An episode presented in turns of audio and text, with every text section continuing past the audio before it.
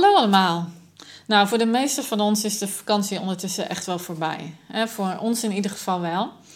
Eh, wij zijn dit jaar in Nederland gebleven vanwege corona en uh, veel bij het water geweest in die uh, hete dagen. Gelukkig wel op plekken waar de anderhalve meter echt goed te handhaven was. En nu start het gewone leven weer. Het werk begint weer op volle toeren te draaien, waar het op verschillende plekken natuurlijk in de zomerperiode ook echt wel wat rustiger is. De scholen, de studies die starten weer en alles eromheen, de sportclubs, de muziek, alles, uh, alles start weer op. En bij ons zijn er dit jaar uh, grote veranderingen. De oudste die gaat studeren, uh, de jongste die gaat voor het eerst naar de middelbare school en onze middelste die doet dit jaar examen. Grote stappen in hun levens. En daarmee ook grote stappen in onze levens. Want voor ons als ouders betekent het loslaten. Loslaten en vertrouwen.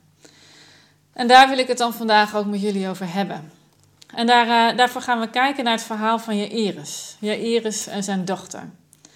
En we zijn nog steeds bezig in de serie Ontmoetingen met Jezus. En we zien in de verschillende verhalen hoe de ontmoeting die mensen met Jezus hebben een verandering in hun leven teweeg brengt. Het zijn niet zomaar ontmoetingen, maar het zijn ontmoetingen met een enorme impact. Het verandert hoe ze Jezus zien, hoe ze Hem kennen.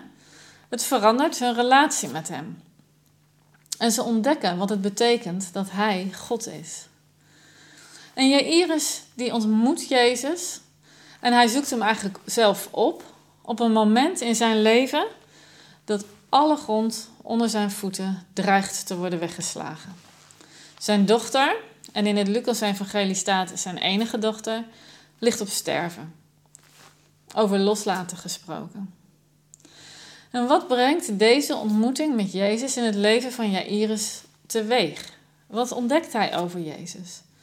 En wat zou er voor hem veranderd zijn, behalve, spoiler alert, dat zijn dochter geneest? Lees het verhaal maar eens met de volgende vragen in je achterhoofd. En als je het verhaal met elkaar leest, bespreek die vragen dan ook eens met elkaar. En het zijn vragen die je ook samen met de kinderen kan doen. En wat gebeurt er nou eigenlijk precies? Wat valt je op in dit verhaal?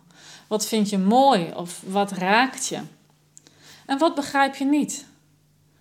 Waar word je boos van of bang of blij? En wat merk je van God in dit verhaal? We lezen uit Marcus 5. We hebben in de serie Ontmoetingen met Jezus al eerder gehoord over iemand die uit de dood werd opgewekt, Lazarus. En ook dat, in dat verhaal is Jezus te laat. zijn zussen die, uh, kwamen naar Jezus toe om hem te vragen hun broer te genezen, maar voordat ze bij Lazarus zijn, is hij al overleden. En in dit verhaal gebeurt eigenlijk net zoiets. Jezus wordt onderweg opgehouden, waardoor hij te laat is bij de dochter van Jairus. Dus het zijn gelijksoortige verhalen. En toch zit in dit verhaal weer net een andere focus, denk ik. Dus laten we er eens naar gaan kijken. Allereerst Jairus, um, een leider van de synagoge. Net als Nicodemus. Zijn verhalen hebben we ook al eerder uh, wat verder uitgediept. En hij behoort tot de groep Joodse leiders, waarvan je uh, wel kan aannemen dat hij waarschijnlijk niet heel erg enthousiast was over Jezus. Maar waarschijnlijk heeft Jairus, net als Nicodemus, wel de verhalen over hem gehoord. Over de wonderen die Jezus deed. En nu vestigt hij zijn laatste hoop op deze man. En hij smeekt hem mee naar huis te komen, naar zijn dochter die op sterven ligt. En hij schaamt zich niet om Jezus openlijk te benaderen. En niet alleen dat, te midden van zijn eigen volk knielt hij neer voor Jezus. En daarmee erkent hij Jezus als zijn meerdere. Zo groot is zijn wanhoop. Alles voor zijn dochter, zijn enige dochter. En Jezus gaat op weg naar het huis van deze verdrietige, maar hoopvolle vader. Die natuurlijk wil dat Jezus zo snel mogelijk naar zijn huis zou komen. Maar het is zo druk. Zoveel mensen die hem willen horen spreken. Zoveel mensen die iets van hem verwachten. En de mensen verdringen zich rondom Jezus. Om maar niets te hoeven missen van wat hij zal zeggen en zal doen. En dat terwijl voor Jairus de tijd dringt. En dan is daar ineens deze vrouw. Een vrouw die naar Jezus uitreikt en hem aanraakt en om zijn aandacht vraagt. En de ontmoeting die deze vrouw met Jezus heeft, is een verhaal in zichzelf. En daar ga ik verder nu niet te veel op in. Het gaat nu meer om wat het voor Jairus betekent. En het betekent dat de aandacht van Jezus naar deze vrouw toe gaat. Jezus maakt er echt een punt van. Wie heeft mij aangeraakt? En hij lijkt opeens geen haast meer te hebben om met Jairus mee naar huis te gaan. Hoe zou dat voor Jairus geweest zijn? Hij had Jezus toch gevraagd mee te komen omdat zijn dochter op sterven ligt? Hij was zelfs bij haar weggegaan om Jezus op te halen. Hij had haar losgelaten in de, om, om hoop te vinden bij Jezus. En dan gebeurt er dit. Deze vrouw is al twaalf jaar ziek. Wat is nou acuter, zou je denken, hè? Deze vrouw is genezen, maar door het oponthoud lijkt alle hoop op genezing voor de dochter van Jairus verloren. Het lijkt alsof de genezing van de een, van deze vrouw, ten koste gaat van de genezing van de ander, de dochter van Jairus. En ik kan me voorstellen dat het voor hem echt verwarrend geweest moet zijn. Wat zou hij gedacht hebben? En welke conclusies zou hij getrokken hebben over Jezus? Over hoe belangrijk hij zelf is, of hoe belangrijk zijn dochter kennelijk is voor Jezus?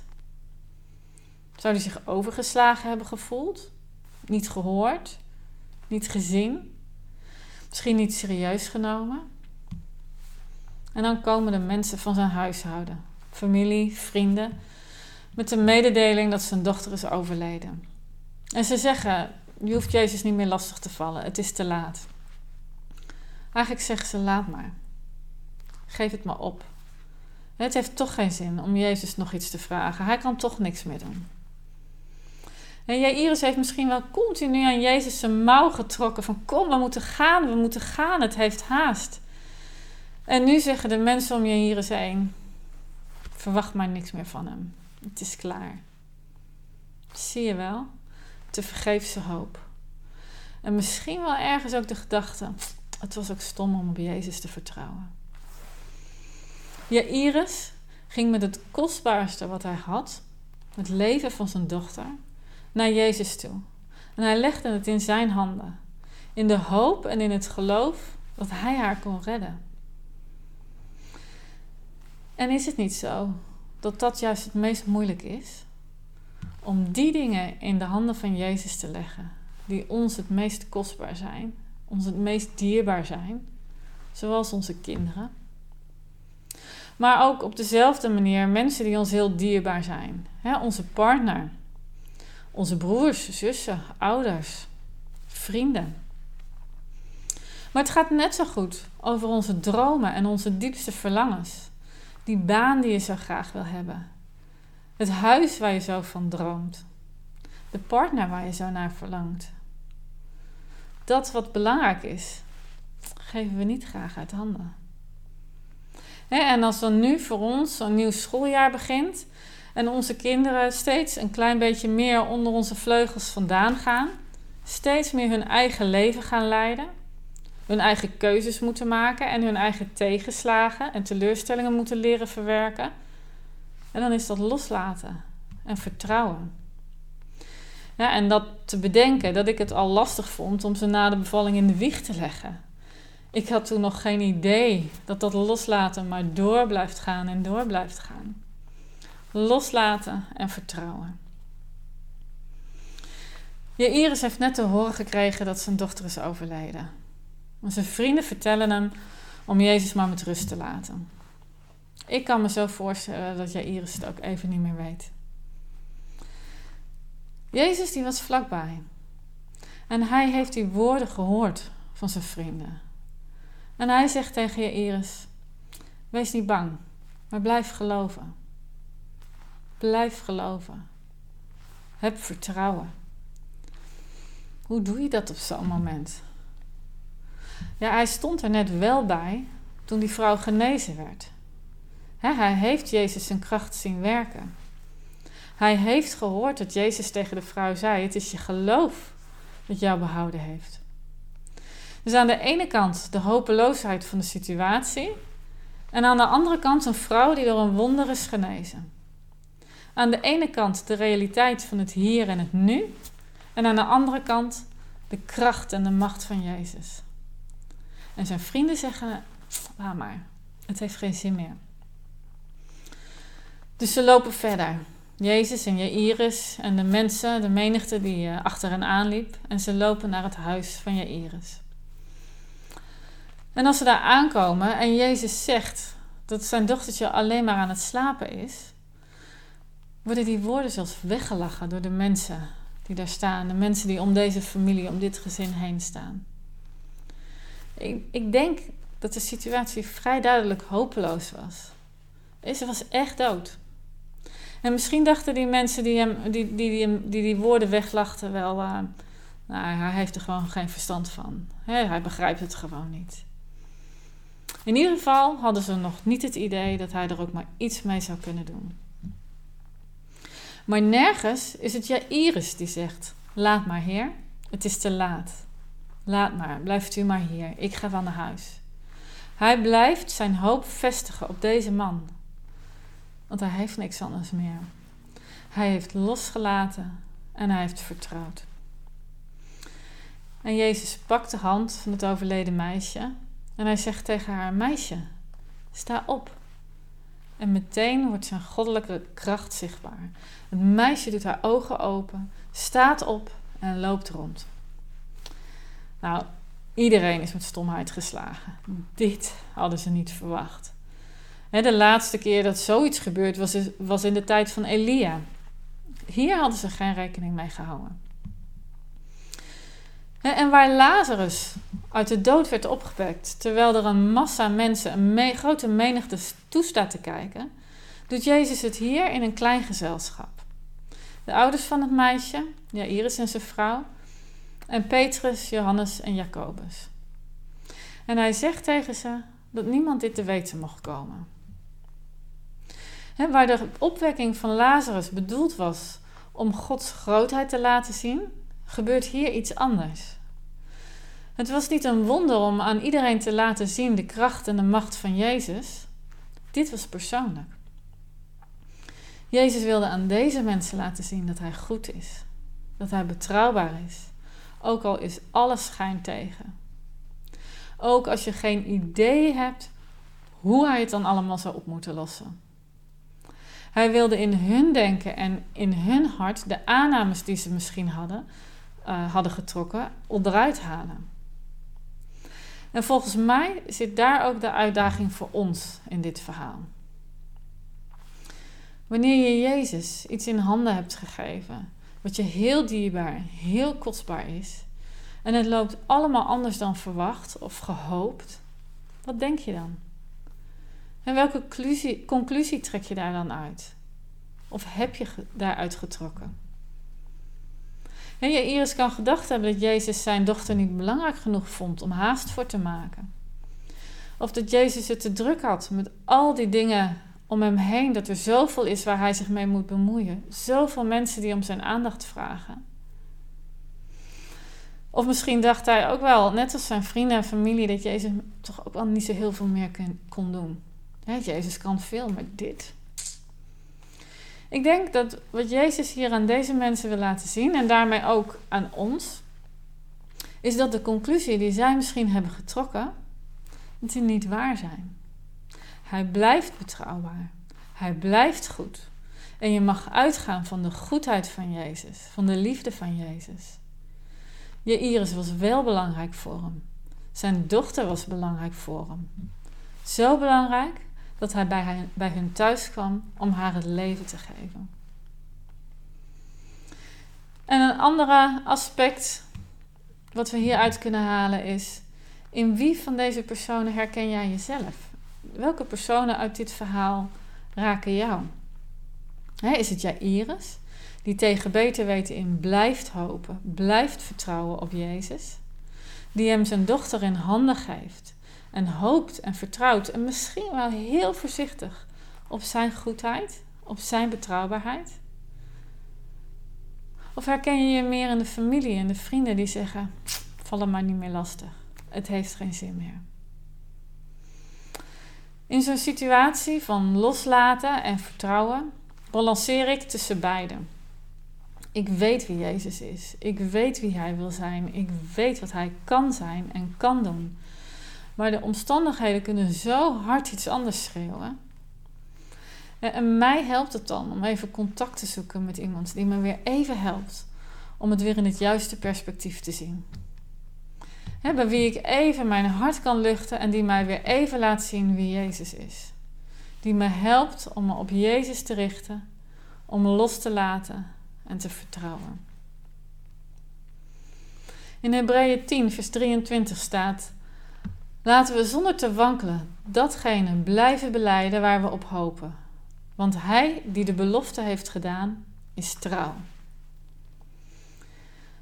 Als je straks na dit verhaal alleen of met elkaar verder hebt nagedacht over deze twee vragen, hè, welke conclusies trek ik op het moment dat ik moet loslaten en vertrouwen en in wie herken ik mij eigenlijk het meest, zou ik je ook willen vragen om het volgende te doen. Denk eens na over datgene wat voor jou op dit moment het meest ingewikkeld is om in de handen van Jezus te geven. En dat kan iets zijn wat heel kostbaar voor je is. Ehm, zoals bijvoorbeeld je kinderen. Of een groot verlangen dat je in je hebt. Het kan ook, zijn, het kan ook iets zijn waar je je zorgen over maakt. dus wat, wat is er in jouw leven wat jij moeilijk vindt om in de handen van Jezus te geven? En schrijf dan eens voor jezelf op twee, twee dingen. Ten eerste, je twijfels en je zorgen hierover. En wat kan er misgaan? Welk risico loop jij eigenlijk als je het uit handen geeft? Wat kan er dan gebeuren? Dan schrijf het gewoon maar eens allemaal op. En spreek het maar eens uit tegen Jezus. Hij veroordeelt het niet, want hij snapt het precies. En als tweede, schrijf dan op: wie is Jezus eigenlijk? Hoe ken ik hem? Wat geloof ik over wie Jezus is? Over wie ik ben voor hem? Hoe openbaart Jezus zich in de Bijbel? En hoe heeft hij zich eigenlijk aan mij geopenbaard? Het is als een soort geloofsbeleidenis, zoals in Hebreeën 10. En spreek ook dat maar eens uit naar Jezus. Die dingen bij elkaar. Dit is wat ik voel. Dit is waar ik me zorgen over maak. Dit is misschien wel zelfs waar ik bang voor ben. En dit is wat ik weet over wie u bent. En geloof en vertrouwen ontkent de moeilijkheden niet, maar het besef van Jezus' aanwezigheid geeft moed. En Jezus liet Jairus zien dat hij te vertrouwen is als je hem het meest dierbare dat je hebt in handen geeft. Ook toen alles anders liep dan dat Jairus gehoopt had. En dat wil Jezus jou ook graag laten zien. En ik zegen jou om los te laten en te vertrouwen. Want Hij is goed en Hij is trouw. Zullen we samen bidden? Jezus, ik dank u voor wie u bent. Ik dank u dat u uh, goed bent. Ik dank u dat u trouw bent. Heer, ik dank u dat u uh, alles wat u doet, doet uit uw uh, overweldigende en oneindige liefde voor ons. Heer, ik dank u dat u ons kent, dat u onze levens kent, dat u onze harten kent. Dat u weet waar we blij en dankbaar bij zijn en dat u weet waar we, waar we ons zorgen over maken. Heer, en ik dank u dat waar wij uh, u dingen of mensen of verlangens of dromen in handen geven, dat u dat niet lichtvaardig aanneemt. Dat het kostbaar is voor u. En dat die dingen veilig zijn in uw handen. Heer, dank u wel dat u uh, altijd dichtbij bent.